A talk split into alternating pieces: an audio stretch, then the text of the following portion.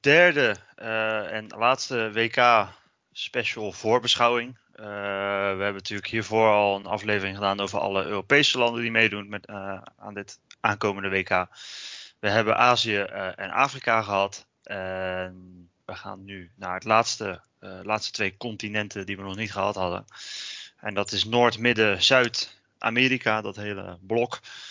En dat zijn zeven landen uit, uh, uit die continenten die meedoen aan dit WK. We hebben ze weer, zoals de vorige afleveringen, hebben ze op uh, FIFA ranking ingedeeld. Dus we beginnen met het laagst gerankte land, de FIFA ranking. En we eindigen met het land wat ook daadwerkelijk bovenaan staat op de FIFA ranking. Dat is ook wel, ook wel mooi. Ehm ja, goed, zoals de vorige twee. Ik zal uh, statistiekjes geven. Dus vorige deelname, de groep waar ze in zitten en hoe ze zich daarvoor uh, geplaatst hebben. En nou ja, jij gaat de spelers uitleggen waar ze op moeten gaan letten dit toernooi. Ja. En laten we ja, maar gelijk. Alweer, hè? ja, de laatste. De laatste alweer. En dan, dan begint het WK echt. Ja, met ook Trouwens, met het land waarmee we deze aflevering ook gaan uh, aftrappen, die mogen het, het hele toernooi ook aftrappen tegen het gasland. Ah, jij bent toch weer elke keer weer van die goede bruggetjes. Ja. Weer, hè? ja. Wat, wat, moet ik toch zonder jou, Magiel? ja, geen idee. Ja. Dan voelen wij elkaar toch elke keer weer goed aan, hè? Ja, ongekend is dat, hè? Ja, bizar. We, maar, uh, eigenlijk ja. best wel vreemd dat wij geen broers zijn, hè? zou je toch eigenlijk wel denken, hè? Je zou het haast verwachten. Ik zou het haast wel denken, ja. Ja. Maar goed, uh, hebben jullie weer leuke statistiekjes van Ecuador? We hebben zeker goede statistiekjes van Ecuador. We hebben, uh, ze zijn natuurlijk vier jaar geleden waren ze er niet bij. Op het, op, het, op het WK in Rusland deden ze niet mee. Toen werden ze achtste in de, in de kwalificatie van Zuid-Amerika. Er doen tien landen mee. Dus dat was niet, heel, niet heel goed.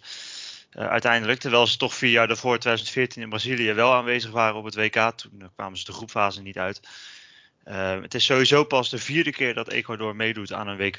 Uh, dus dat is uh, sowieso pas sinds 2002 was de eerste keer dat ze meededen. Eh, is dit echt pas de vierde keer. ze, hebben, ja, ze doen mee op dit WK omdat ze natuurlijk heel knap in de kwalificatie Peru en Colombia, die vorige WK wel aanwezig waren, achter zich gehouden hebben. En ja, toch uh, Colombia, die volgens mij iets van, wat is het, 17e staat op de FIFA-ranking, hebben ze toch achter zich weten te houden als nummer 4 44. En nou ja, goed, jij mag eens gaan vertellen wie daarvoor gezorgd hebben en op wie ze moeten gaan letten, dit toernooi. Ja, groep van ons, hè? Groep van Nederland. Ja, groep A. Ja. Mogen het WK natuurlijk aftrappen. Wat je al zei tegen, ja, tegen natuurlijk, tegen Qatar. Qatar, ja. En ja, het is toch wel, het is wel interessant natuurlijk om, om te kijken hoe, hoe, hoe, uh, hoe dat gaat vormen. Natuurlijk wel belangrijk ook voor deze groep, hè, om te kijken of Ecuador natuurlijk van Qatar kan winnen en of zij inderdaad de tweede in de groep kunnen gaan eindigen. Nou ja, goed, we gaan ook het WK voorspellen. Ja. dat zal waarschijnlijk in, dat zal in een andere podcast gebeuren, anders wordt deze podcast natuurlijk veel te lang. Ja. Um, maar ja, waar moet je op letten? Ja, er zijn natuurlijk wel een aantal spelers die, um, ja, die ik ken als het gaat om, um, ja, om gewoon, ik kijk natuurlijk buiten, ik kijk gewoon zelf veel voetbal. Dus uh, als het gaat om de topcompetities ken ik best wel wat spelers. Dus ook best wel veel spelers uit, uh, uit Ecuador. Ja, om te beginnen, ja, de verdediging heeft toch wel een aantal namen ja, om in de gaten te houden. Ehm, laten we gewoon een beetje met een, een, een wat iets minder bekende naam beginnen. Hè? Diego Palacios, uh, toch wel bekend in Nederland. Hè? Eh, bij Willem II gespeeld, linksback. Ja. Op een gegeven moment stond hij in de belangstelling van uh, Ajax en PSV. Um, ehm, is wel een interessante linksback. Verder. Um, alleen geen linksback die in de basis zal starten. Want nou, er is een andere linksback die ja, het eigenlijk heel erg goed doet op dit moment bij Brighton. Hè? Pervis Stupinian. Mm. Iemand die veel aanvallende dreiging heeft. Iemand die veel diepgang heeft. Iemand die veel meters maakt. Veel meer naar voren komt. Um, en ook de laatste weken, uh, zeker die wedstrijd tegen Chelsea, uh, was hij echt heel erg goed. Um, had hij, was hij ook betrokken bij het doelpunt. Um, die bal werd toen gegeven van zijn landgenoot, die ook naar het WK gaat. Daar komen we straks op. maar hij kwam natuurlijk eigenlijk af van Osasuna. Daar speelde hij. eerst in het seizoen 2019-2020. En daar maakte hij al best wel wat indruk op mij. Dat ik dacht, oké, okay, dit is een, een back met veel snelheid. Een back met veel loopvermogen. Een back die veel drive heeft, maar ook een back die een voorzet kan geven. Mhm. En ik dacht van oké, dit is wel een speler die best wel eens bij een, ja, bij een grotere club terecht kan komen. Bij een grotere club. Nou ja, het duurde niet lang. Of Pervis Stupinian zat ehm, bij Villarreal, waar hij natuurlijk vorig jaar speelde. Um, en, uh, die, en dat, daar, um, daar speelde natuurlijk vorig jaar bij Villarreal. En dit seizoen speelt hij bij Brighton. En hij maakt wel indruk aan die linkerkant bij Brighton. Is toch een beetje de opvolger van uh, Cucurella, die vertrokken is. Mm -hmm. ja, deze Estopian doet het gewoon heel erg goed. is een blikvanger daar geworden aan die linkerkant. En eigenlijk sinds hij daar speelt, doet hij daar uitstekend. En is hij ook niet meer daar weg te denken. Dat is wel een speler aan de linkerkant eh, die best wel wat eh, voor problemen kan gaan zorgen eh, bij de backs op het WK. Omdat het toch wel een speler is die toch, eigenlijk toch wel heel veel meters maakt. En die je toch moet gaan volgen. Want je mag geen seconde uit het oog verliezen. Want dat gebeurde wel bij de verdedigers van Chelsea. En nou, die was toch aan de linkerkant, zorgde die voor ontzettend veel dreiging. En ik denk dat hij dat op dit toernooi ook weer kan gaan doen. en een speler die ook heel interessant is, is Piero Hincapié. Eh, verdediger van Bayer Leverkusen. Nou, iemand die centraal achterin kan spelen, op, links, op linksback kan spelen. Um, alleen ik vind hem niet in, in, in een goede vorm dit seizoen. Um, verdedigend maakt hij best wel wat fouten dit seizoen. en ook best wel veel overtredingen. het ziet er allemaal in verdedigend opzicht niet heel goed uit bij hem dit seizoen. Hetzelfde geldt trouwens voor heel veel verdedigers van Leverkusen. Al is dat de laatste weken wel, ziet het er wel iets, iets beter uit. Uh, Maar Hincapié is vooral ook heel erg goed aan de bal. Zijn voetballende vermogen uh, is wel iets wat uh, bij hem opvalt. Um, nou, ook in de reden dat hij natuurlijk ook op linksback kan spelen, maar ook op centraal, centraal achterin kan spelen. maar het is wel een, een, een, interessante speler die toch wel wordt gevolgd um, ja, door, door best wel wat clubs. Hè. Piero Hincapié is ook absoluut nog, nog best jong. Hè. Um, mm -hmm. Wel een speler die uh, is pas 20 jaar oud. En uh, ja, een speler die natuurlijk zijn eerste WK gaat spelen. Ja. En uh, best wel eens dit WK kan laten zien dat hij misschien wel um, dat toch wel zichzelf in de kijkers kan spelen bij, bij een aantal clubs. En ja, dat hij het dit seizoen misschien iets minder doet. maar Leverkusen deed het op een gegeven moment ook stukken minder. deelde mee in de malaise. Maar het is wel een speler die zich ook de voorgaande seizoenen echt wel heeft, laten zien vorig seizoen echt wel heeft laten zien bij, uh, bij Leverkusen. Dus dat is wel iemand achterin. Uh, daar heb ik nu al twee namen genoemd met uh,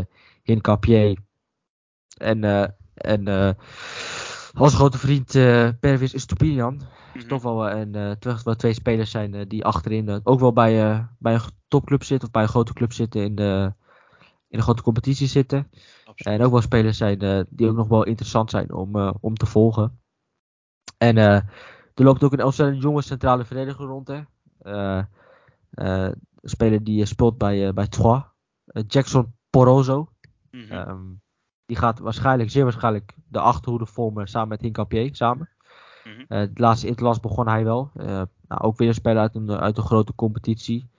ja, 22 jaar, is nog jong. Kan zich op dit WK ook laten zien aan de wereld. Um, dus ja, dat is wel een beetje een verdedigend opzicht. Uh, de namen die ik ken en de namen die, uh, die mij het meest opvallen als ik uh, ja, die selectie van hun bekijk. Um, en dat, is wel zeker dat zijn zeker wel spelers die ja, jong zijn. En ook naam voor zichzelf kunnen maken op, op zo'n toernooi. En als we gaan naar het middenveld. ja, de, de speler die mij het meest opvalt op het middenveld is uh, Moises Caicedo. Ja. Die indruk maakt bij Brighton. Eigenlijk sinds dat hij in de basis staat, ontzettende indruk maakt ja, dat is wel iemand die uh, dwelkracht heeft, ballen kan veroveren op het middenveld. Maar ook iemand die voetballend vermogen heeft, uh, ja, inzicht heeft, een paas kan geven. En dit wordt wel een ontzettend bepalende speler op het middenveld van, uh, van Ecuador. Want het is ook, ook, ook weer een jonge speler, ook weer iemand die naam kan maken voor zichzelf op een toernooi. maar het is natuurlijk ook iemand die al belangrijk is op het middenveld voor Brighton. ja, laat staan straks op het middenveld van Ecuador. En dit is ook een speler die wij natuurlijk tegen gaan komen. En het wordt wel. Het kan heel lastig worden als we tegen hem spelen. En daardoor is bijvoorbeeld ook Frenkie de Jong vrij belangrijk. Als Moises Casedo doordekt op Frenkie de Jong. Dat Frenkie de Jong natuurlijk met zijn, voetballend, met zijn voetballend vermogen en met zijn dribbles. Dat hij daar onderuit moet gaan spelen. maar deze ja, Moises Casedo is wel enorm goede voetballer. En enorm fijne voetballer ook om, om naar te kijken. En dat is wel een speler die ja, toch wel voor moet gaan zorgen dat het middenveld van Ecuador. Hij gaat gewoon een belangrijke speler worden op het middenveld van Ecuador. En als we verder gaan kijken natuurlijk. Uh, hebben we natuurlijk ook uh, in Valencia. Voorin die natuurlijk nu ook heel erg goed doet bij... Uh, bij, bij uh, speelt hij. Doet het daar ook heel erg goed. nou, maakt heel veel goals in die competitie. Um, doet het daar uitstekend. We kennen natuurlijk ook van de Premier League. Ener Valencia. Iemand die snelheid had, diepgang, diepgang heeft. Um, maar dat moet de speler zijn die dan voor de goals moet gaan zorgen. En laatst, die, vorige week stond hij ook in mijn elftal. Gonzalo Plata, Real Valladolid. Uh, ja, iemand die een hele goede voetballer is. Uh, alleen hij mist wel echt rendement. Is het spel nog. Maar dit is wel een speler die een doorn in het oog kan worden op, op dit toernooi. En ja, dat zijn wel de spelers waar ik ja, toch het meest naar uitkijk. En de spelers ja, die ik het meest heb gevolgd dit seizoen. En het zou een ontzettend interessant toernooi kunnen gaan worden. Want er zit echt wel genoeg talent in, in, dit, in dit elftal. Absoluut. En ja, het zou zomaar eens kunnen dat zij straks tweede eindigen in dit toernooi. Bijvoorbeeld. In de groep, ja, dat zou, zou heel goed kunnen. Ja, de groep, ja, de groep. Dat ligt sowieso al heel erg open. Want met die, met die blessure van Mané bij Senegal. Daar ligt die tweede plek natuurlijk. Dat, dat hadden we allemaal al vastgezet. Van nou ja, Senegal zal 1 of 2 Nederland. En Senegal worden 1 en 2. Die volgorde maakt dan ook niet zoveel uit. Alleen ja, dat ligt nu met, met Mané die wel meegaat. Maar ja, niet zeker is dat hij gaat spelen. En als hij gaat spelen is maar de vraag hoe goed hij is. Ligt dat wel wat meer open natuurlijk. Ja, ja en, en het is natuurlijk zo wat ik al zei. Um, Zo'n Moses Caicedo bijvoorbeeld. Als je ziet wat hij laat zien dit seizoen in, in de Premier League. En eigenlijk al vorig seizoen wat hij laat zien. Uh, Ja, ook samen met zijn landgenoten, wat ik Pervis Istopinian. Die eigenlijk samen echt in grote vorm zijn. Natuurlijk ook uh, bij Brighton. Ja. Um, en ik nu toch wel een beetje die uh, Estopinian zie die ik ook bij uh, Osasuna had gezien een paar jaar geleden. Um, ja, dat zijn wel twee hele belangrijke spelers. En dan heb je natuurlijk Hinkapier ook heel jong. Bij Leverkusen ja. uh, opgehaald door, uh, door Leverkusen. Uh, ook een ontzettend interessante speler. Dus ze hebben echt wel hier en daar heel veel best wel interessante spelers rondlopen. Hè? Nou, wat ik al zei, die Plata is interessant. Dus ja. ik ben heel benieuwd hoe dat elftal zich gaat vormen op dat toernooi. En of die spelers ook ja, daadwerkelijk naam voor hunzelf kunnen, kunnen maken. Maar dat zij bijvoorbeeld vierde eindigen in die, in die groep achter Brazilië, Argentinië, Uruguay. Is wel heel knap.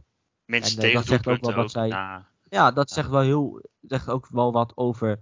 Uh, ja, toch wel de groei van Uruguay. Of van, van Ecuador. Dat zij toch wel een groei hebben doormaakt de laatste jaren. Dat zij er nu bij zit, is een mooie beloning voor hun. En als je ook kijkt naar de spelers die zij hebben. ja, kunnen zij best wel eens de groep overleven. Absoluut, ja, dat zou, zou heel goed kunnen. En wat ik zei, ze hadden na natuurlijk Brazilië, Argentinië, die tellen we daar niet echt in mee. Maar verder hadden zij uh, de minste tegendoelpunten van die hele kwalificatiegroep. Uh, dus ja, weet je, er, er, kan van alles. En het ligt ineens helemaal open nu ook uh, in, in ja. op het WK in die groep voor. Ja, kijk, dus als, ik, als ik één speler er echt moet uitlichten waar ik echt naar uitkijk en mm-hmm. waar ik ook mensen. Waar ik mensen ook. Ja, Aandacht, nou, aandacht tekort. mijn partieten die zitten nu in mijn kamer. En uh, die uh, zaten met elkaar te vechten. Die willen ook uh, aandacht in een podcast. Ja. maar als ik echt een speler moet noemen om, waar ik echt naar uitkijk, is dat echt Moises Caicedo. Die, ja.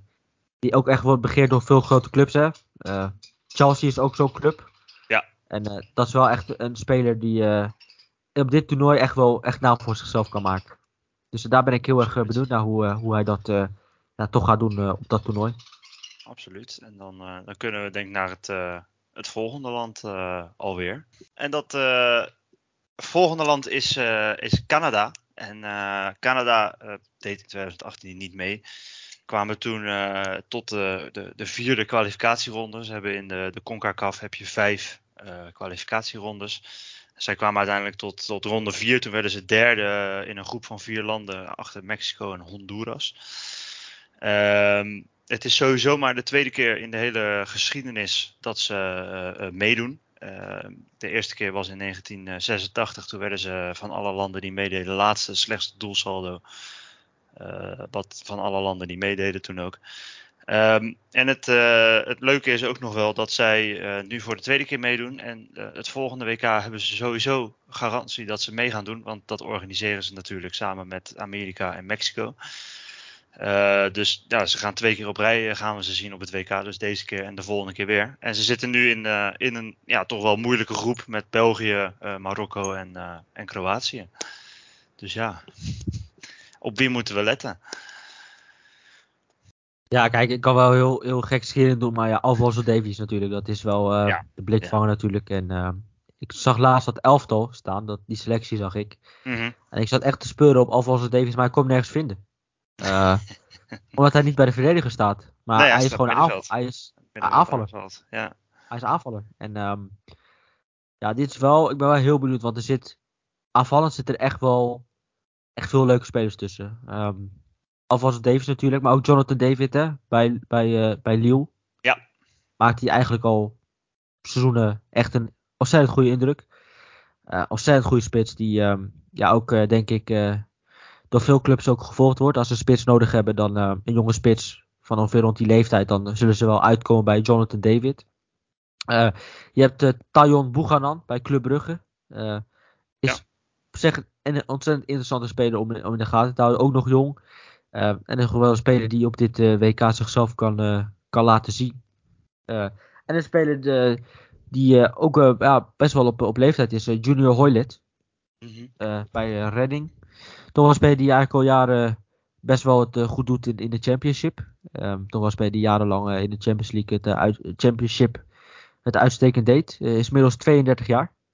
Klopt. En mag lekker op, op die oude dag nog een WK meemaken. Dus dat is heel mooi voor hem. En dat zijn toch wel de spelers in aanvallend opzicht ja, die mij toch, toch enorm opvallen. Ik ben vooral heel erg benieuwd als hij straks tegen België of tegen Kroatië komen. En dat ze de boel dicht proberen te gooien. En dat ze dan op een counter met Jonathan David en, en Alfonso Davies. Ja, ben ik toch wel heel benieuwd of zij op de counter inderdaad voor veel problemen kunnen gaan zorgen voor, bij, uh, bij België, Kroatië en dat soort dingen.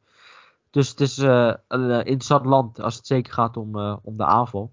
Mm -hmm. En als ik naar, naar de middenvelders ga kijken, dan ja, zitten er toch ook wel best wel veel namen bij als het gaat om spelers die spelen in, in de MLS. Dus, maar als er één speler eruit moet pikken, is het Atiba Hutchinson. Ja. We kennen natuurlijk, hè, PSV heeft hij gespeeld. Speelt echt al jarenlang nu bij uh, Besiktas. Klopt. Hij is, weet je, weet je hoe, ook hoe oud hij is? Weet je dat inmiddels? Het is die 39? 38? Ja, 39. 39. En ja, uh, ja voor hem toch wel mooi op 39-jarige leeftijd toch een WK meemaken. dat zou voor hem echt een droom zijn geweest. En ja, dat is toch wel de speler op het middenveld ja, de breker op het middenveld. Die gaat uh, vrij belangrijk worden als het gaat om. Uh, uh, zeker als het gaat om, om, om voor de verdediging uh, duels te winnen, ballen te veroveren. Gaat deze Atiba Hutchinson op 39-jarige leeftijd ja, nog een belangrijke rol kunnen spelen. Ja, dat is toch wel. als ik kijk naar de verdediging, ja, zijn het verder niet echt namen die, ja, die ik echt ken of die ik ooit heb zien spelen. Ehm, dus ja, in verdedigend opzicht moet ik toch moet je toch schuldig blijven. Uh, ik kijk heel veel voetbal. Ik ken heel veel spelers. Alleen, ik ken helaas niet spelers die bij Vancouver Whitecaps spelen. Of bij Montreal spelen. Uh, nou, het speelt ook een speler bij uh, Nottingham Forest. Maar heb ik nooit van gehoord. speelt ook niet. Dus kan ik ook niet op oordelen. dus ja, de spelers waar ik, die ik benoemd heb. ja, zijn toch wel nog spelers die in de aanval zitten. Die, die moeten het verschil gaan maken op de counter. Dus het zal echt een ploeg zijn die het achterin dicht gaat houden. Die gaat proberen om uh, echt een, een, muur te bouwen, twee muren te bouwen. En als het eenmaal kan, uh, proberen ja, Jonathan, of, uh, Alfonso Davis en Jonathan David aan het werk te zetten. En, dat zal Canada worden op dit toernooi. Ja, dat is natuurlijk ook wel een best redelijke keeper hebben ze. Ja, die Milan Borgan heet hij van mij, moet je het uitspreken, van uh, Ster Belgrado.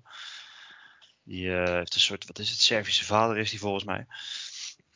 Die, uh, dat is nog wel een redelijke keeper die ze hebben. Maar ja, inderdaad, wat je zegt, aanvallend is het bekend. Verdedigend uh, is, is MLS-spelers. Uh, en ja, dat, dat ja. is toch afwachten wat zij kunnen. Ja, zeker. Absoluut. maar het is wel, het is wel, heel, wel voor hun wel leuk. En ik ben wel heel Absoluut. erg benieuwd of zij inderdaad op de counter het best wel landen moeilijk kunnen maken. Het, is best wel, zou best wel, het zou best wel kunnen dat zij straks ehm, België best wel moeilijk kunnen maken. Op de counter, bijvoorbeeld. Ja. Zeker als ze straks met al de wereld te vertongen spelen, bijvoorbeeld. Dan zou het niet heel fijn zijn als ze op de counter tegenover Alfonso Davies aanlopen. Bijvoorbeeld. Dat zou... Dus ik ben wel vooral heel erg benieuwd naar de, dus de aanvallers uh, hoe het gaan doen uh, voor Canada. En uh, dat volgende land op de lijst is Amerika. En ja, Amerika deed in 2018 niet mee. Dat was natuurlijk een heel ding in Amerika. Want de oude garde werd er toen een beetje uitgegooid eigenlijk. Ging, het, het, nationale elftal moest verjongen. En de grote sterren hadden niet geleverd. Want ze werden namelijk. Ja, zijn ze geëindigd in die vijfde kwalificatieronde achter Honduras. Nou, dat, dat, dat vonden ze niet kunnen in, in Amerika. En daar hadden ze ook wel gelijk in. Um, deze keer hebben ze het wel gered. Dat ging nog steeds niet heel makkelijk. Maar het is wel gelukt. En ze zijn uiteindelijk gewoon derde geworden. Er gaan natuurlijk vier landen. Die gaan in één keer naar het, het, het WK. Um, en ze zijn net voor Costa Rica geëindigd, maar dat was op, op doelsaldo. Dus ja, zij doen gewoon mee weer. Uh, en nou goed, ik zei het net ook bij Canada al. Canada organiseert natuurlijk het volgende toernooi. Dat is voor Amerika natuurlijk hetzelfde verhaal. We zijn de volgende keer ook sowieso weer bij. Hetzelfde geldt ook voor Mexico, waar we nog op komen. Dus um, nou goed, ja, het is een heel jong elftal. Dus op wie moeten we gaan letten? Nou, er zijn inderdaad ehm, dit is wel een elftal vol met potentie. Ja. Um, wat ook gevaarlijk kan zijn. Mm um, maar ik ben wel heel erg benieuwd als we bijvoorbeeld gaan beginnen op, uh, bij dit goal. Hè. Uh, Sam Johnson, toch wel um, keeper van New York City, toch best wel een, uh, een keeper die. Um, even kijken, want. Is bijvoorbeeld een keeper die al 33 jaar is, bijvoorbeeld. Mm -hmm. Maar het is toch wel leuk dat hij er zo'n keeper erbij zit. Hè. Is bijvoorbeeld ik heb een verkeerde verhaal van hem gelezen. Um, hij is geboren um, in Georgia, in, uh, wel in de staat Georgia. Trouwens, ik wil even opnieuw beginnen, want ik, uh, ik dacht trouwens dat, dat die Johnston een, hele, Johnston een hele andere keeper was. Dus ik wil graag op dit hele, dat gebeuren van, uh, we kunnen wel, dat gebeurtje zijn van, op wie moeten we letten, even dat moment ga ik, gewoon, ga ik opnieuw beginnen. Oké, okay, prima. Dus alleen dat stukje, oké. Okay. Um, ja, natuurlijk bij Arsenal heb je keeper en Matt Turner. Ja die voorheen natuurlijk bij de MLS best wel indruk maakte. Uh, die door Arsenal gehaald is. Uh, veelal natuurlijk op de bank zit. Um, maar dat is wel een interessante keeper natuurlijk. Uh, Sergio Dest. Hè, die bij Ajax ehm, toch geen basisplek had. En ehm, toch wel. Het ging natuurlijk veel verder over Mazraoui of, of Dest. En Dest deed het op zich best wel aardig. Maar had natuurlijk ook wel zijn gebreken. Zeker ook op verdedigend vlak. Is toen naar Barcelona gegaan. Uh, heeft daar eigenlijk heeft daar wel een paar goede wedstrijden gespeeld, maar is daar nooit echt uh, vaste basisspeler geweest. Uh, ja, mocht vertrekken natuurlijk onder Xavi. Uh, is naar AC Milan gegaan. Is daar eigenlijk ook geen basisspeler. Hij speelt daar eigenlijk ook vrij weinig. En als hij speelt, zoals laatst, gaf hij een penalty weg. Dus ook daar bij AC Milan is het nog helemaal niet ja, wat, wat ze ervan hadden verwacht. Ehm, maar ja, het is natuurlijk wel een, een blijft natuurlijk wel een talent. Blijft ook wel een speler die ja, toch wel een, een, speler om in de gaten te houden op dit toernooi. Hoe die, uh, die bijvoorbeeld uh, ja, het gaat doen op dit toernooi. en hij moet toch wel een speler zijn aan die rechterkant. die ja, toch wel voor dreiging moet gaan zorgen hè, bij, bij Amerika. en dat is wel ja, een speler om, om dit toernooi natuurlijk in de gaten te houden. En degene waar ik ook heel erg benieuwd naar ben, is bijvoorbeeld Team Riem. Die toch best wel oud is, hè? 35, ja. 36 inmiddels. maar een van de belangrijke krachten dit seizoen bij Fulham. Uh, doet het echt uitstekend bij Fulham dit seizoen. Ja, toch wel degene, de leider achterin. Uh, die toch wel voor zorgt dat de verdediging gestuurd wordt. dat hij op die leeftijd natuurlijk ja, het zo goed doet bij Fulham. En dat hij dan natuurlijk ook nog ja, op het WK mag, mag meedoen dat hij geselecteerd is. Natuurlijk meer dan verdiend. En is toch wel een speler die... Um, ja, die we natuurlijk toch op dit toernooi ben ik toch wel heel benieuwd hoe, die, hoe belangrijk hij gaat worden. Eh, hoe belangrijk hij achterin gaat worden. En uh, moet toch wel de, degene zijn die ja, de, verdediging moet gaan aansturen. En ja, hij heeft ook teamgenoten. Anthony Robinson, ook van Fulham. Ja. die maakt ook, vind ik, dit zo'n aardig, aardig indruk.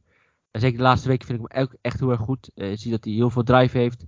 in aanvallend opzicht dat hij heel veel mee naar voren komt. En ook aan de bal vind ik hem vrij sterk. je ziet hem ook in wedstrijden dat hij best wel veel goede paasjes geeft, maar ook goede voorzet in de 16.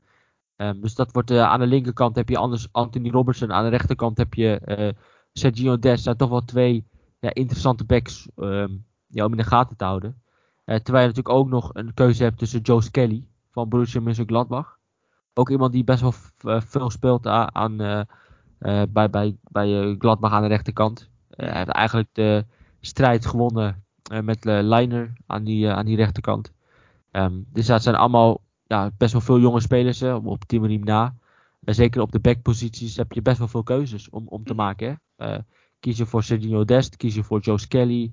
Nou, Robinson aan de linkerkant. Um, ja, er is ook een speler, daar kan jij misschien uh, wat over zeggen, die, uh, die Feyenoord op het oog had. Ja, centrale verdediger is dat inderdaad. Walker Zimmerman. Die, uh, die was gescout deze zomer, of eerder al door Feyenoord gescout. In de gaten werd hij gehouden. Dat was iemand die ze interessant vonden vanwege ook zijn, wat jij net, voordat we naar Amerika overgingen, hadden we het heel kort over. zijn kopkracht, is waar hij voornamelijk om ja, bekend staat. Hij is heel fysiek sterk. Ja, ja duelkracht. Ja, ja duelkracht. duelkracht. Ja, en agressie. Ja, gewoon in de lucht heel sterk. En ja, daar had Feyenoord hield hem op in de gaten. Dat doen ze voor mij nog steeds. Dus wie weet zien we hem ooit in, volgend seizoen bijvoorbeeld in de Eredivisie terug. Dat zou zomaar kunnen. Wie weet. En um, ja, wie weet dat hij misschien op dit toernooi, als hij mag spelen, dat hij mm -hmm. daar ook een, zichzelf kan laten zien. Ja. Um, als we doorgaan naar het middenveld. Uh, ja, de middenveld loopt echt heel veel interessant rond. Ja. Uh, laten we beginnen met een uh, oude bekende, Luca de la Torre. Die we natuurlijk kennen van uh, Heracles. Um, ja. Bij Celta heb ik hem af en toe zien spelen. En toen maakte hij voor mij geen verkeerde indruk in, die in de minuten dat hij maakte. Um, nou, mag, mag mee. Dat is mooi voor hem natuurlijk dat hij ja, met Amerika geselecteerd is voor dat toernooi. En kan natuurlijk laatst Tyler Adams in het elftal. Uh, Toen ze tegen Liverpool speelden in, in, mijn elftal van de week. Ja, dat wordt wel een hele interessante speler. Want het is echt een, speler die uh, ja, ballen verovert. Die goed is in uh, het weten waar een bal terechtkomt. Om een bal te kunnen veroveren. Ook aan de bal prima is. die maakt echt indruk bij Leeds. Ook heel erg goed is in druk zetten. Had ik laatst ook gezegd. Iemand die heel erg goed ook is in het druk zetten. Weet waar een bal terecht moet komen. En eh, deze Tyler Adams eh, gaat dus eh, aanvoerder ook van Amerika. Ja, dat wordt wel een speler om echt in de gaten te houden. Want dat is echt een speler die het bij Leeds heel erg goed doet. Belangrijke speler ook is geworden bij Leeds United. ja, en nu ook bij Amerika op het middenveld een hele belangrijke pion is. Um, en mag, en iemand die voor hem staat, uh, is een teamgenoot van hem, Brandon Harrison. Ook mhm. iemand die het heel erg goed doet dit seizoen. Uh, overgekomen van uh, Red Bull Salzburg echt een hele fijne voetballer, Brenda Anderson. Die ook iemand is die ook goed is in druk zetten, in meters maken. Maar ook iemand die heel goed is aan de bal. Ehm, en ook hij heeft mij ook dit seizoen echt wel verbaasd. Dat ik dacht, zo, dat is echt een hele goede voetballer. En, ik had hem al bekeken voordat hij naar Leeds ging. Want ik was toch benieuwd, ja, wie is deze Aronson die Leeds United ophaalt.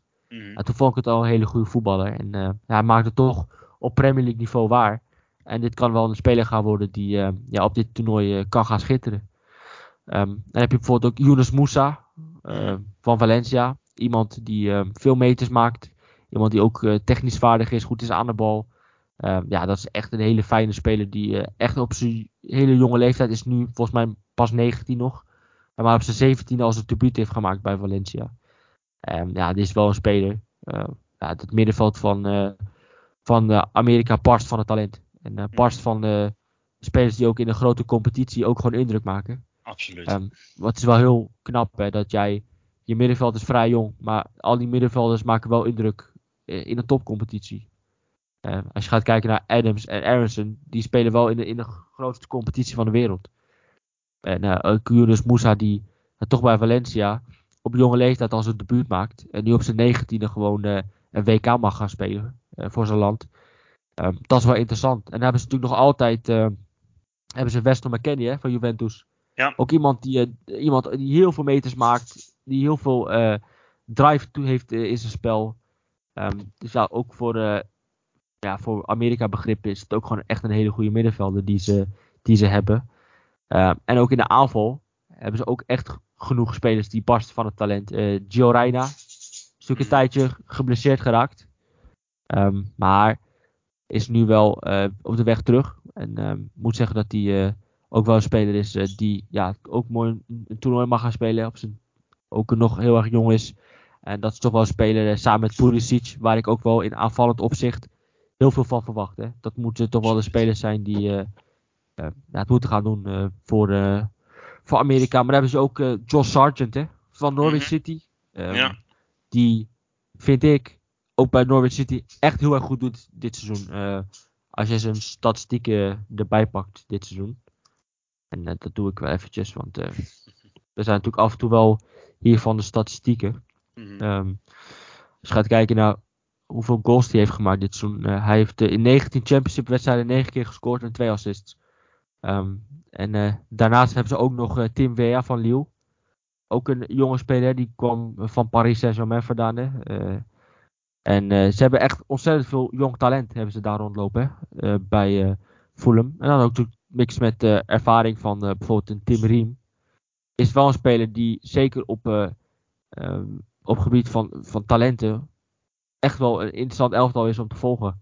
Of het ook een elftal is wat um, ja, ervoor kan zorgen dat zij de groep kunnen overleven of dat ze ver kunnen komen. Ja, dat denk ik niet, want het blijft wel jong talent en het is, blijft wel heel erg jong. Uh, een, een, elftal zonder toernooiervaring, zonder grote ja. toernooiervaring. Dus dat zullen ze wel open kunnen breken. Maar het is wel echt een elftal om, uh, om in de gaten te houden. Absoluut. En, uh, ik weet niet, ik heb, we hebben het natuurlijk met die vorige aflevering ook over gehad. En alle twee al eigenlijk. Maar groep B, nummer 1, dat kun je wel vastleggen. Dat, dat wordt waarschijnlijk gewoon Engeland. Alleen ja, ja. wat daarachter zit, dat is gewoon heel erg ja, gelijkwaardig aan elkaar. Ja, wij gaan het toernooi natuurlijk ook, uh, ja. ook voorspellen. Dat wordt ja. de laatste podcast, uh, wordt toernooi voorspellen. Dus uh, twee, elf, twee podcasts erover online komen deze week. ja. En dan zullen we zien of ik Amerika bij de top 2 zet. we gaan het meemaken. Maar dan moet, je, dan moet je hem wel voor luisteren. Zeker. Als je dat wil weten. Ja. Absoluut. Ja.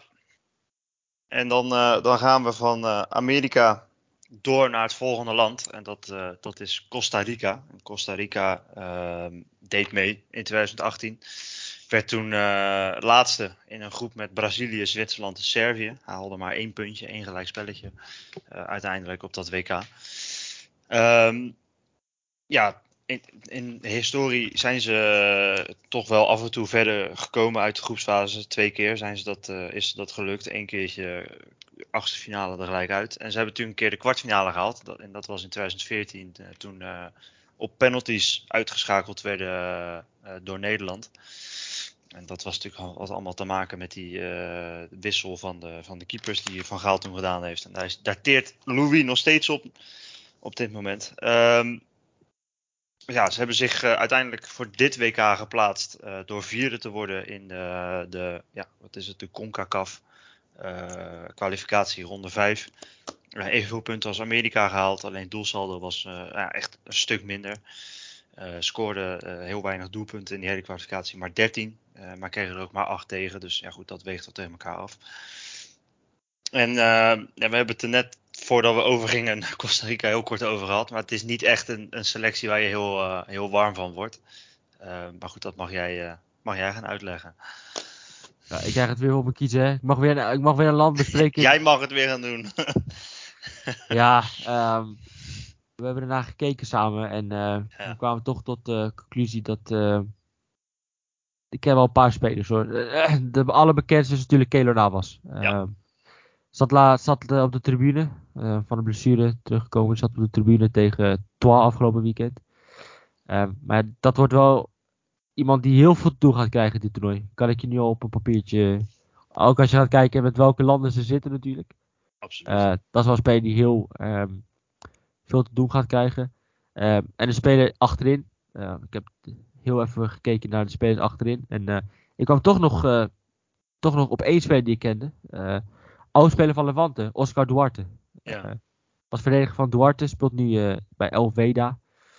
Um, dus dat, dat, is wel een speler die ik ken. En dat is wel denk ik een van de ja, bepalende spelers achterin uh, bij, bij Costa Rica. Die er toch voor moet gaan zorgen dat ze straks, als ze tegen Spanje of Duitsland komen, dat toch ja, tot de spits moet uitschakelen. Want dat wordt al zwaar genoeg, denk ik. En dat is wel een, iemand die, die ik ken. En iemand die, lijkt mij, een van de bepalende spelers gaat zijn achterin.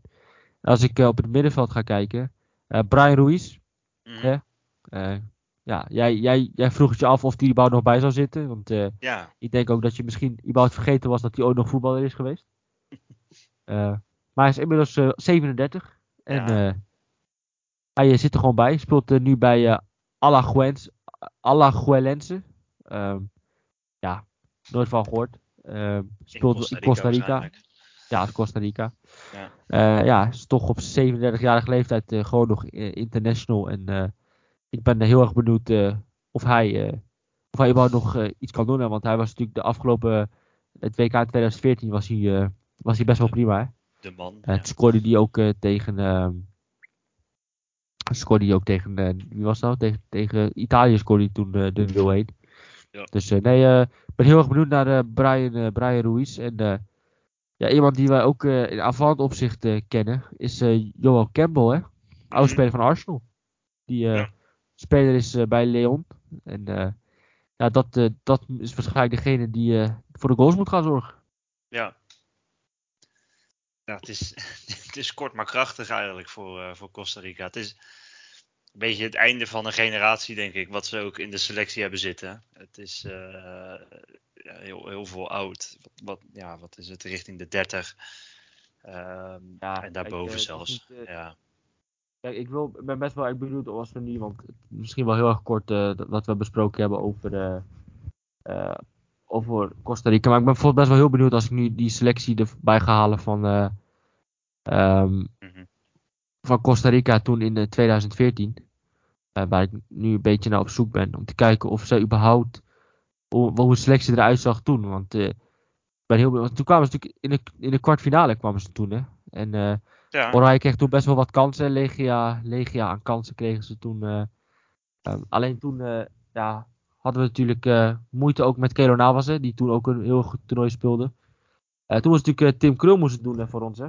Ja. Die, een stuk inkomen. En daar ben je toch ook wel benieuwd om, om te kijken hoe ja, hier heb ik selectie erbij. erbij. Ja, Oscar Duarte zat er toen ook nog bij. Speelde toen bij Club mhm. Brugge. nou, Joel Campbell zat inderdaad, speelde toen bij Olympiakos. Brian Ruiz. Um, als we toch uh, spelers erbij uh, bij pakken, dan. Uh, ja, er zaten er ook weinig spelers bij die echt, echt bij, bij een grote club speelden. Mm -hmm. En de spelers die toen ja, belangrijk waren, als het gaat om. ja, nou was Duarte, Ruiz en Campbell zitten er nu ook gewoon bij. Dus ja. toen zijn ze in de kwartfinale gekomen, ook met spelers die niet heel erg bekend waren, buiten die vier. Um, dus ik ben heel benieuwd of zij misschien dat kunstje eventueel kunnen herhalen. Dat denk ik niet, want ze zitten in een ontzettend lastige groep. Absoluut. Uh, dus ja, Costa Rica is eigenlijk een land waar we niet naar hoeven te kijken. Als wij straks Spanje, Costa Rica krijgen of Duitsland, Costa Rica, dan is het niet de vraag met hoeveel of ze winnen, maar gewoon de vraag met hoeveel. Ja. Ja. ja. ja. Dus we kunnen gewoon weer door naar het volgende land. We gaan, gaan we door naar het volgende land, inderdaad. En dat is Uruguay. En uh, Uruguay was erbij in 2018, hadden de kwartfinale toen. En uh, dat, dat, was een wedstrijd tegen Frankrijk. Die is uiteindelijk met uh, eh, 2-0 verloren. Um, ja, ze zitten in principe, als je naar het schema kijkt, aan een vrij gunstige kant van het schema. Dat klinkt misschien heel gek, maar ja, de echt wat grotere landen, die kunnen zij ontlopen wanneer ze groepswinnaar worden. Uh, in deze groep. En daar hebben we natuurlijk in de vorige eerste podcast, toen we het ook over Portugal hadden, hebben we het daar ook al heel kort over gehad. Dat dat echt wel een mogelijkheid is voor ze. Um, nou goed, daarover gesproken, ze hebben uh, dat gehad. We hebben de kwalificatie zelf, ze zijn uiteindelijk derde geworden in, in de, de, de, dus het CONMEBOL kwalificatie. Die gaan natuurlijk de eerste vier door. Uh, op uh, nou, echt wel gepaste afstand van Argentinië en Brazilië. Ze hebben uiteindelijk 28 punten gehaald. Argentinië was de eerstvolgende met 39. Um, ehm, en ja, Uruguay is er eigenlijk best vaak bij de laatste jaren. En ja, goed, er loopt best wel veel interessante spelers rond. En ik zou zeggen, brand los. Ja, we hadden het natuurlijk net over Costa Rica. En ja. dan waren we snel klaar. Um, alleen Uruguay Um, is echt, ik, ik ben nog even dat selectie aan het kijken. Mhm. Maar er zitten wel echt, echt een paar goede spelers tussen. En, eh, dat, dat is wel eh, een land eh, waar ik wel echt naar uitkijk. eh. Er zit ook wel een leuke groep hè, met Portugal. Ja. Wel leuk Ghana, waar ze, waar ze die, eh, die is tegenkomen. Dus er zitten wel ook in een hele leuke groep. Ehm, en eh vorig toernooi eh, hebben ze Portugal uitgeschakeld hè, in de laatste 16. En Ja. eh, ik denk dat Portugal eh, ook wel uit is op revanche. Absoluut. Laten we beginnen met de goal. hè. Dat is eigenlijk al, al jarenlang. Dat ik me kan herinneren, is dat gewoon nog steeds Fernando Muslera. Absoluut. was 2010 ook de doelman. Ja. En nu 22 ook weer de doelman. Dus eh kunnen snel doorheen. Dat verandert niet. en ja, blijft, wat ik gezien heb, blijft het gewoon een, een hele goede keeper. En al moet ik zeggen dat hij de vorige toernooi in 2018 eh, de fout in ging. eh, Ja. tegen halve finale of de kwartfinale tegen Frankrijk. Eh, maar ja, dat hij eh, er gewoon nog bij zit, eh, ja, is natuurlijk wel eh, vrij logisch. En als we naar achterin gaan, ehm, ja, waar ik wel heel erg benieuwd naar ben, is eh, naar Araujo, die, eh, of die gaat spelen. Ja. Want hij is natuurlijk geblesseerd geraakt. Ja. En ik heb een artikel gelezen dat hij eh, in training is. Hè. Ze zijn nu aan het trainen in Abu Dhabi. En de vraag is natuurlijk eh, of hij het gaat halen. En heel veel eh, eh, fysiologen zijn ermee bezig. En ze hebben ook tegen Barcelona gezegd: we gaan niks riskeren. Dus we gaan kijken of het kan. Dus ik ben heel benieuwd of hij aan de aftrap gaat staan. Ja, en Diogo Godine is nog steeds Ja. mee. Nog steeds op die leeftijd. speelt bij Veles Sarsfield. Ehm Argentinië volgens mij. Veles Sarsfield is volgens mij inderdaad Argentinië. Mhm. Ik zal het voor de zekerheid even opzoeken, want anders sta je straks hier voor schut. En dat willen we natuurlijk niet. Moet je niet hebben. Nee, is inderdaad Argentinië. En eh, ja, hoe, hoe oud denk je dat hij inmiddels is, Godin? Want eh, ik was er toch wel benieuwd naar. Want, eh, hij is inmiddels, eh, eh, denk je, misschien op leeftijd. 36, 35. Ja. Vind, valt, valt eigenlijk nog wel mee, moet ik zeggen. 36. Eh, ik had hem misschien richting de 38, 39 geschat, maar hij Mhm. is 36. Ja, die is natuurlijk jarenlang echt een, eh, een ontzettend goede verdediger. Eh, en eh, die ben ik natuurlijk nu wel een tijdje kwijt. Dus ik Mhm. ben heel erg benieuwd wat daar nog van over is. Ehm, en dan heb je, heb je, heb je José Jiménez. Vind ik Mhm. echt een hele goede verdediger van Atletico Madrid. Eigenlijk al jarenlang vormde hij een partner met Diego Godin. Ehm, ja, hij is nu een belangrijke speler voor Atletico. Alleen wel iemand die heel veel blessuregevoelig is. Dus niet iemand die eh, ja, het heel lang kon laten zien. Want als hij een keer in een goede periode zat, eh, ja, raakte hij geblesseerd. Eh, je hebt natuurlijk ook Sebastian Coates van Sporting. Ook een speler die in Portugal jarenlang heel erg goed is. Iemand met duelkracht. Eh, ja, dus je hebt echt wel slagers achterin staan hè, bij Uruguay. En je hebt bijvoorbeeld ook Matthias Oliveira hè, van Napoli. Mhm. Iemand die we ook op, in de Champions League hebben gezien. Hè, ook dit seizoen in de Serie A vaak hebben gezien. Eh, natuurlijk geen vaste basisspeler. Het is eh, stuivertje wisselen vaak met Mario Rui. Maar het is wel iemand, eh, vind ik, die in verdedigend opzicht zijn mannetje staat. Maar ook in aanvallend opzicht wat toevoegt met, met zijn drive. ook zijn passing. En ehm Matheus Oliveira is natuurlijk jarenlang was hij speler van Celta. Nu van Napoli. Je hebt Martin Caceres. Ken je hem nog? Martin Mhm. Caceres. eh, jarenlang verdediger van Juventus geweest. Ja. Hij speelt nu in de MLS. Eh, ja, toch wel een speler. Toen ik dat zag, dacht ik, ah, Caceres is dus gewoon nog voetballer. Ik was hem eigenlijk echt kwijt. Eh, hij, heeft natuurlijk, eh, hij is natuurlijk weg geweest. Toen is hij weer teruggekeerd in de Serie A. Speelt nu in de MLS. En je hebt natuurlijk Matthias Vigna. Ja. Een jonge back van Roma. Ehm, dus je hebt echt wel ook wel een mix met, met talenten. Als het gaat om Vigna, wat best wel een talent is. En een mix met Araujo, wat een talent is. Maar ook een mix met ervaringen. Met José Jiménez. Eh, Diego Godin. eh Coates. eh, Cáceres. Eh, dus ja, het is altijd wel fijn. En altijd belangrijk om een mix te hebben tussen talent en ervaring. Eh, en als we naar het middenveld gaan. Ja, daar lopen ook wel echt veel goede spelers rond. Hè. We beginnen met Rodrigo Bentancur. Ja. Die dit seizoen bij Tottenham echt furoren maakt. Hij was afgelopen weekend weer belangrijk met twee assists. Maar het is iemand die voetballend vermogen heeft. Iemand die paas kan geven. Iemand die technisch vaardig heeft. Die ook de opbouw kan verzorgen. Maar ook iemand die eh, ja, de drive heeft toegevoegd aan zijn spel. De, echt de drive om ook in de 16 te komen en veel meters te maken. Nou, ook eh, wat eh, afgelopen weekend ook voor zorgde dat hij twee keer scoorde. Uh, dus deze Rodrigo Bentancur ben ik heel erg benieuwd naar. Want die gaat echt met een echte bloedvorm naar het WK. Uh, iemand die ook met een bloedvorm naar het WK gaat is Federico Valverde. Die ook heel vaak in het elftal heeft gestaan. Hè? Uh, ja, iemand die op rechts kan spelen. Iemand die op het middenveld kan spelen. Echt alles kunnen. Hij blinkt echt uit in niets. Maar hij is eigenlijk overal goed in. Mhm. Als je het volgt. Ja. Dat hij, eigenlijk Ja. is hij, hij blinkt uit in helemaal niets. Maar hij is wel goed in alles. Dat maakt hem wel echt heel goed. Hij is iemand die echt een alleskunner is. Hij kan, hij kan, eh, hij heeft duelkracht, hij kan ballen veroveren. Eh, hij kan pasen, hij is goed aan de bal. Ehm, hij is ook technisch vaardig. Eh, hij iemand die ook doelpunten kan maken. Dus ja, dat is echt een speler die, waar ik echt naar uitkijk op dit toernooi. Eh, en dan heb je bijvoorbeeld, kun je keuze maken. Lucas Torreira is toch meer een verdedigende midden, ingestelde middenvelder. Eh, die bij Arsenal heeft gespeeld natuurlijk. Eh, Fiorentina speelt nu bij Galatasaray. Uh, of je kan kiezen voor Matthias uh, Vecino, wat toch meer een loper is. Iemand die toch meer in de 16 komt. Uh, jarenlang Inter, nu bij Lazio.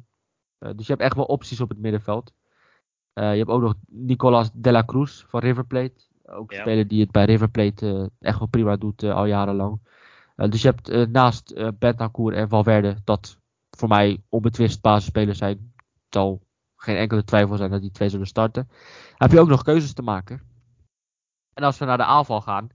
Ja, Darwin Núñez stond uh, net in het elftal van de week natuurlijk. Uh, heel erg benieuwd naar zijn toernooi.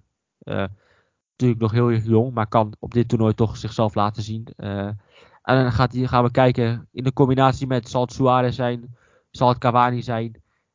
Ja, dat wordt toch wel de vraag hè. Ja, maar dat de, de kans is groot dat Núñez de Suarez wordt. En dan wordt het voor Suarez de laatste, laatste grote toernooi. Absoluut. Dus uh, ja, Uruguay is, heeft echt een land om uh, echt in de gaten te houden. Want er lopen echt veel goede voetballers rond. Uh, met een mix van ervaring en talent. Dus dat is altijd goed hè. Om in je elftal een mix te hebben tussen ervaring en talent. Dat is echt perfect. Als jij een mix hebt tussen ervaring en talent. En het is redelijk even verdeeld. Want dat is het bij Uruguay. Mm -hmm. dan, ja, dan heb je echt een goed, goed elftal. En dat hebben zij. En ik ben heel erg benieuwd. Want zij kunnen echt wel ver komen. En zij zullen ook zomaar eerst in de groep kunnen worden. Ja, ik heb, wat jij zegt, ze kunnen inderdaad vrij ver komen. Ik heb voor mijn werk, op mijn werk een WK-pool. En dan moet je een winnaar kiezen.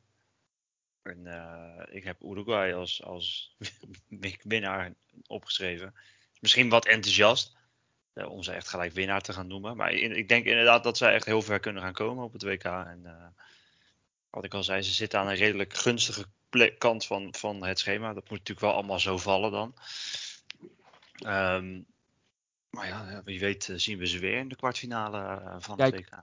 Het komt natuurlijk niet, het komt natuurlijk niet zomaar ergens vandaan. Uruguay is natuurlijk al jarenlang vrij goed. Uh, jarenlang in de toernooien doen ze het ook vrij goed. Hè. Mm -hmm. Halve finale 2010. Ja. Um, 2014 heb ik niet meer per se mijn netvlies. dus weet ik wel dat ze toen wonnen van Engeland, wonnen ze toen volgens mij. En volgens mij, ik weet niet precies wat ze in 2014 deden. Uh, maar ik weet wel dat ze in 2018 kwamen tot de kwartfinale. Uh, mm. Die verloren ze uiteindelijk van de toekomstige winnaar. Dus wel een land dat ver kan komen. En inderdaad, als hij inderdaad in de uh, gunstige schema zit, de gunstige kant van het schema, van het schema Mm -hmm. dan zullen ze zomaar inderdaad best wel ver kunnen komen. En uh, Uruguay is wel echt, echt een land om in de gaten te houden. En, het is wel een land uh, waar ik echt naar uitkijk. Omdat het gewoon heel veel goede voetballers daar zitten. Het is echt, er zit echt veel voetbal in, de, in Uruguay. En uh, ik kijk er echt naar uit. 2014, uh, achtste finale eruit, eruit gegaan. Tegen? Dat was. Moet ik dat toch even gaan opzoeken hier? Dat was Colombia. Ah ja, ja toen uh, met Games. Ja, ja klopt. klopt. Uh, ja, Colombia dat was toen ook heel goed. Ja, uh, dus, nog wel. Nee, maar uh, ik ben heel benieuwd. En Uruguay is tegenovergestelde van, van Costa Rica. Absoluut, zegt dat wel. Inderdaad. Terwijl Oranje net is aangekomen in Qatar. Ah. Het is wel fijn om te weten dat ze veilig zijn aangekomen. Ja, in hun. Heb je dat vlieg vliegtuig gezien waar ze in gezeten hebben? Het was een gecharterd privévliegtuig. Boeingje met uh, alleen maar eerste klas uh, stoelen erin. Ja, ze moet natuurlijk wel. zaten Uh... Prima zaten die. Nou, dat is inderdaad, inderdaad mooi dat ze goed aangekomen zijn. Um, ja, nog iets toe te voegen aan Uruguay of gaan we door naar, uh, Het volgende Nee. land. Ik denk dat we gewoon door kunnen gaan. Dan gaan, we, dan gaan we door. En dat volgende land is Mexico. En eh, Mexico deed ook mee in eh, 2018. Die kwamen één ronde eh, minder ver dan eh, Uruguay. Uruguay haalde natuurlijk de kwartfinale, wat we net al zeiden. En eh, Mexico haalde de achtste finale. Brazilië verloren, toch? verloren inderdaad van Brazilië. Wat wel interessant sta- statistiekje of feitje is voor Mexico. Mexico heeft al zeven toernooien op rij dat ze meegedaan hebben aan het WK de groep overleefd. Eh, en dat is, is maar één land wat dat vaker gedaan heeft. En dat is Brazilië. Eh, op rij in ieder geval. Brazilië staat op acht keer op rij dat ze eh, doorgekomen zijn. Ja. Ehm, en ze hebben zich eh, ja, wederom geplaatst in die kwalificatie met Canada, Amerika, Costa Rica. Ze werden tweede achter Canada. Evenveel punten, maar minder, minder doelsaldo. En ehm, ja, wederom, wat ik al bij Amerika en Canada ook gezegd heb, volgende WK zijn ze er sowieso bij. Want dan mogen ze het organiseren met z'n drieën. Dus ja, het is pas heel, heel recentelijk bekendgemaakt, de selectie. Eh, daar hebben we ook wel een paar eh, gevonden. En eh, die mag jij eh, de mensen gaan vertellen. Ja. ehm, gisteren werd het bekendgemaakt, hè? Ja, Gisteren in de middag. Ehm, laten we beginnen- met eh, een keeper die wij allemaal kennen. En Ja. eh, allemaal toch wel vrij veel frustraties over hebben gehad, hè? De afgelopen WK 2014. eh, zeg dat wel. Guillermo Ochoa. Ja. Ja. dat is echt een keeper. Dat is echt een, dat is, ik had vandaag natuurlijk getweet van. eh noem eens spelers die echt bekend werden tijdens het WK. Ja, Nou, dat is deze Ochoa is daar één van. Want mijn god, wat heb ik me aan hem gestoord.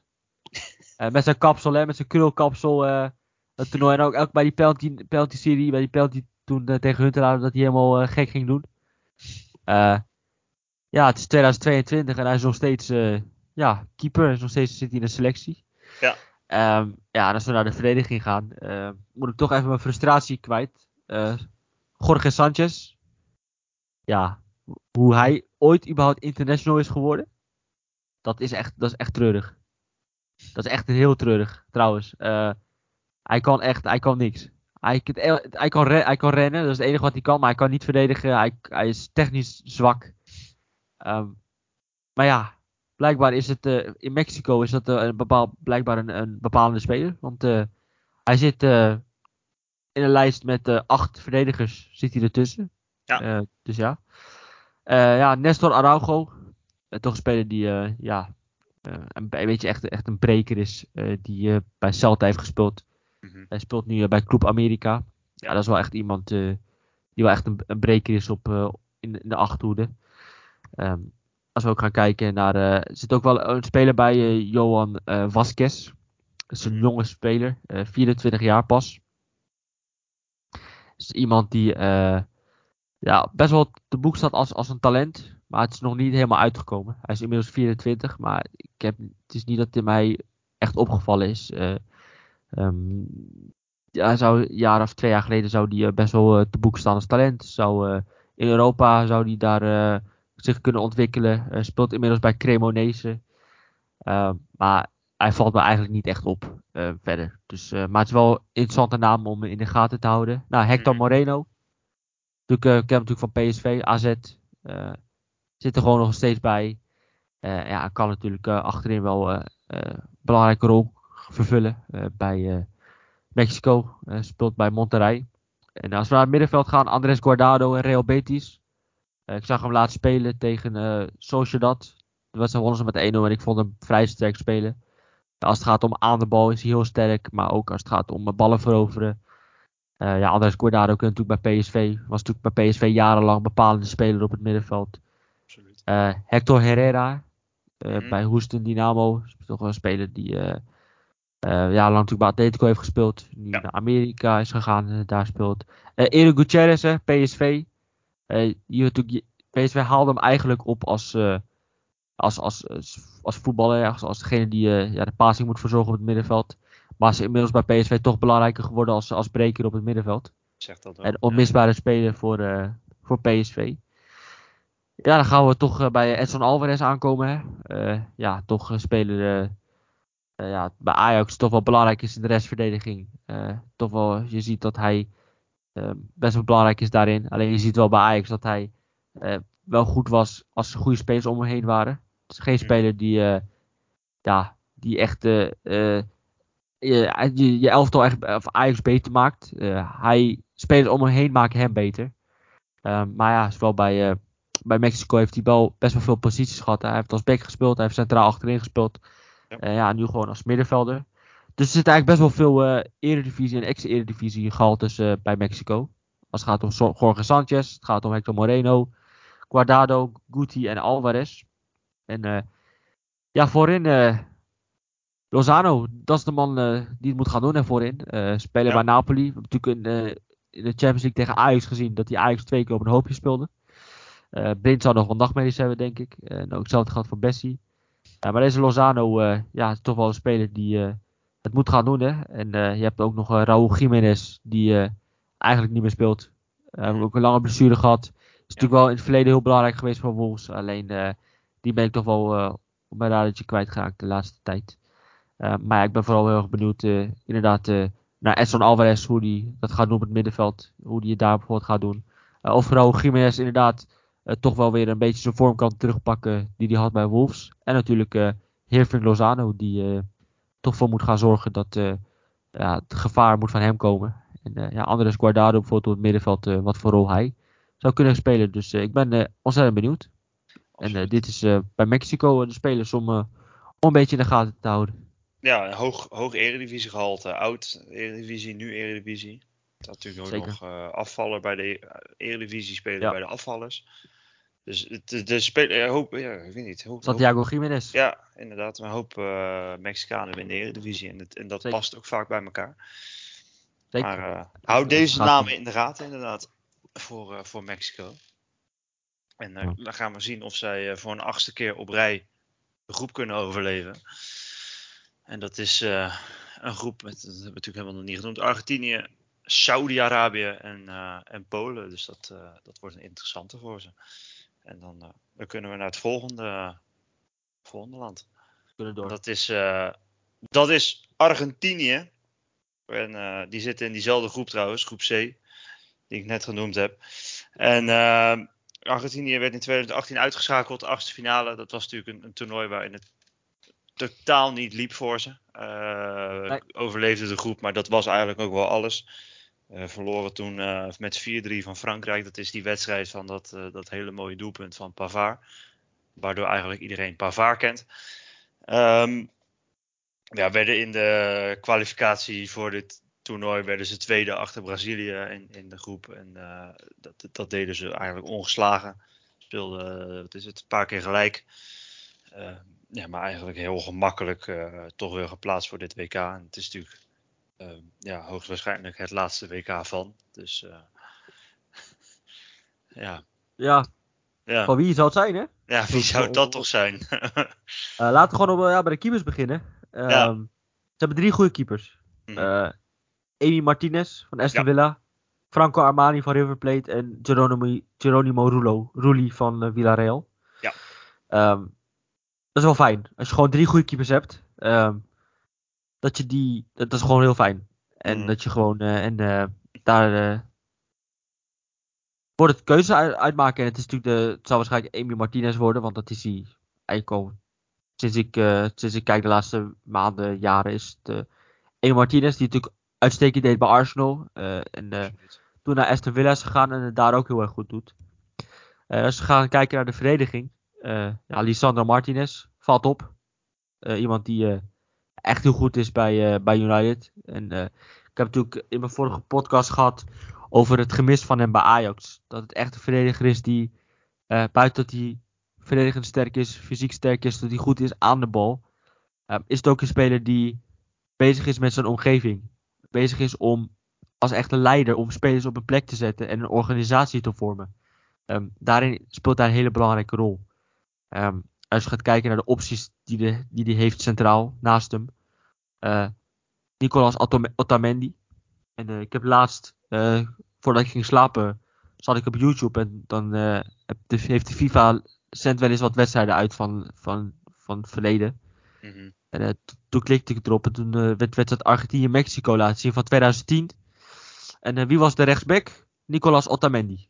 Ja. Dus nu twaalf jaar later centraal achterin denk ik dat hij dat het Martinez en Otamendi gaat worden. Ook toch wel een stuk ook ervaringen met Otamendi. Ook, bij Benfica aanvoerder. samen met die jonge Portugese centrale verdediger uh, doet hij het, uh, Antonio Silva doet hij het prima. Uh, maar je hebt bijvoorbeeld ook nog de keuze tussen bijvoorbeeld Cristiano Romero, die ook bij Tottenham sinds hij daar speelt een ontzettende indruk achterlaat. Maar ook wel eens geblesseerd is geweest. En dan heb je ook opties op de backpositie. Je hebt opties tussen Molina van Atletico Madrid, die bij Atletico een stuk minder goed is dan dat hij bijvoorbeeld was bij Udinese en bij het nationale elftal. maar hij is wel in het nationale elftal ook wel een belangrijke goede speler geweest op die plek. Maar je hebt ook een keuze tussen Gonzalo Montiel van Sevilla. Um, die vorig seizoen erg goed was begonnen bij Sevilla. Alleen een zware blessure heeft gekregen, waardoor hij lang uit de relatie was. En uh, ja, dit seizoen draait het bij Sevilla totaal niet. En uh, logischerwijs draait het bij hem ook niet. Uh, maar dat is ook een optie op de, rechts, aan de rechterkant. Maar je hebt ook een optie aan de linkerkant. Tayo Fico doet het echt uitstekend dit seizoen bij, Lyon. Iemand die fel is in de duels is, duelkracht heeft, ballen kan veroveren. Uh, maar ook iemand die aan de bal heel goed is met een drive naar voren toe. Een goede paas heeft in de benen. Uh, echt ontzettend belangrijke speler is geworden bij Lyon. die de laatste tijd ook als, als linker wingback speelt bij Lyon. Juan Voigt, ook iemand die heel erg goed is. Vind hem vooral verdedigend heel erg sterk. kan echt een, een hele een aanvaller eigenlijk uit de wedstrijd spelen. wat hij gedaan heeft. En je hebt Marcos Acuna, ook weer een speler met een drive naar voren toe, met een goede voorzet in huis. Bij Sevilla eigenlijk altijd wel een, een belangrijke kracht geweest. Uh, dus je hebt in verdedigende opzicht heb je echt veel keuzes te maken. En dat valt wel op bij Argentinië, dat je goede spelers op de bank moet gaan zetten straks. en dat is wel heel, heel bijzonder. En als je gaat kijken naar op het middenveld, ja, Di Maria, belangrijke speler gaat het worden. Hè? Speler die in dienst van Messi heel belangrijk gaat worden. En dan heb je natuurlijk Leandro Paredes, die eigenlijk op de bank zit omdat Manuel Locatelli de voorkeur heeft en het daar ook heel goed doet. Um, Rodrigo de Paul hè, van Atletico Madrid, die uh, ook bij Atletico mindere indruk achterlaat dan dat hij bij Udinese heeft gedaan en bij het nationale elftal. En je hebt Alexis McAllister, die nu als nummer 6 speelt bij uh, Brighton. Toch de voetballende nummer 6, die uh, ook zorgt voor eh, de, de werk zonder bal, maar ook zeker aan de bal om het ja, spel te beginnen. En de speler waar ik echt naar uitkijk en benieuwd of die gaat spelen is eh, Enzo Fernandez van Benfica. Dat is zo'n complete middenvelder die, middenvelder die uh, ballen kan veroveren, uh, tackles kan inzetten, maar ook het voetbal van het middenveld verzorgt. Um, dat is echt een, die heeft Benfica voor 12 miljoen opgehaald, maar het is echt nu al een koopje van de eeuw. En daar gaat Benfica heel veel geld aan verdienen. Um, en je hebt ook nog een optie in, voor Guido Rodriguez. Uh, middenvelder van Real Betis. Jaren een belangrijke kracht. Iemand die ook ballen verovert op het middenveld. Uh, maar ook iemand die voetballend echt prima is. Um, dus je hebt ook op het middenveld keuzes te maken. Um, en als we dan naar de aanval gaan. Ja, je hebt Messi. Daar hoeven we natuurlijk weinig over te zeggen. Die gaat de laatste WK. is echt in vorm bij Paris ook dit seizoen. Lautaro Martinez doet het echt uitstekend bij Inter. Iemand die ook doelpunten kan maken. Maar je ziet hem ook heel vaak op het middenveld de ballen ophalen. En vanuit daar ook uh, meevoetballen. Paulo Dybala, die natuurlijk heel vaak geblesseerd is.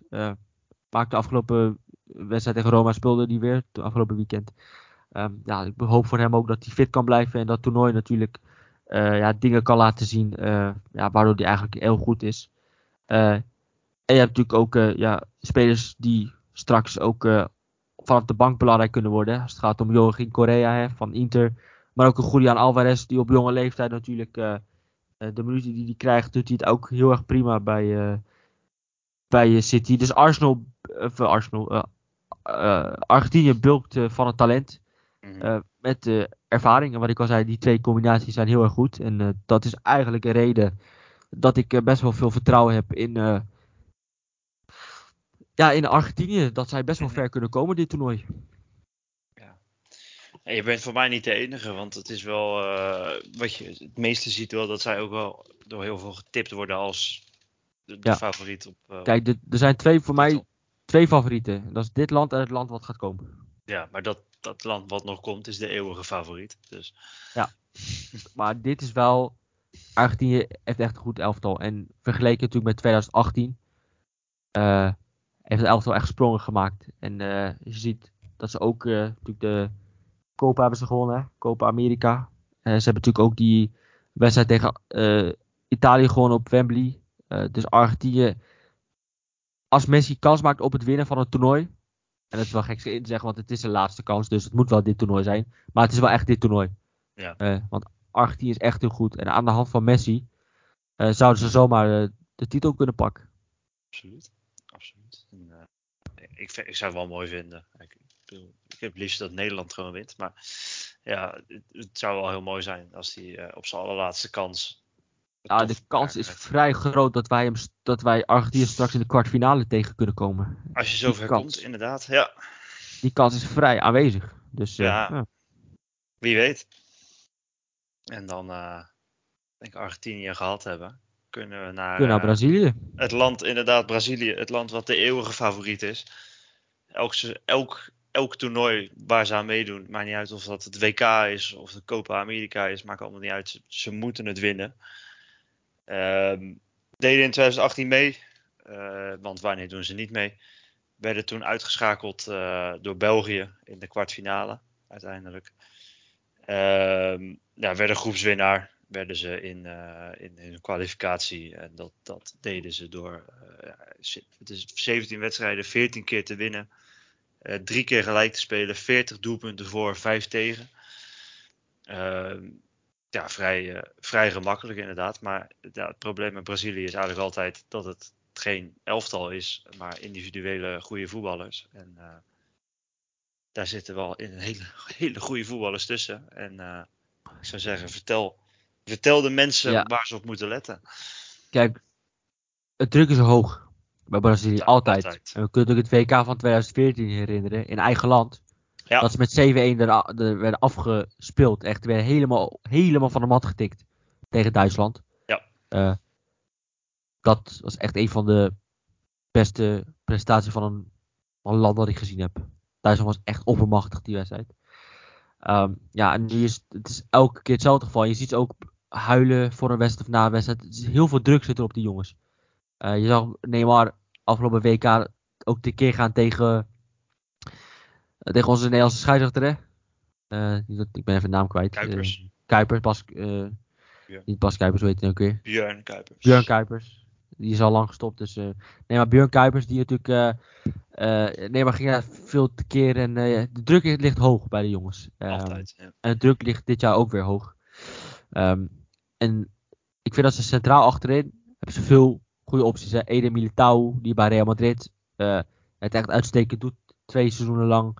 Eh, Marquinhos, hè, al jarenlang. Ontzettend belangrijke kracht bij Paris. Op het middenveld achterin. Eh Gleison Bremer, die bij Torino indruk maakte. En nu ook indruk maakt achterin bij, bij Juventus. Thiago Silva, jarenlang toernooiervaring, fantastische speler. Alleen, hij is natuurlijk centraal achterin. Ehm, ik ben wel heel benieuwd of hij natuurlijk in een eh, viermansformatie of dat gaat werken. Want ja, bij Brazilië, bij Chelsea speelt hij natuurlijk in een driemansformatie. Heeft Ja. toch meer dat extra protectie in een viermansverdediging. Dus eh, ik ben heel benieuwd of het inderdaad eh Marquinhos en Eden Militao gaat worden. Maar ik denk, het grote probleem bij Brazilië vind ik de backs. Ja. Ehm, want dat is niet helemaal meer echt in vorm. Of niet helemaal. eh, of, of oud. Dani Alves. Toch best op leeftijd. Eh, en ik ben toch wel benieuwd straks.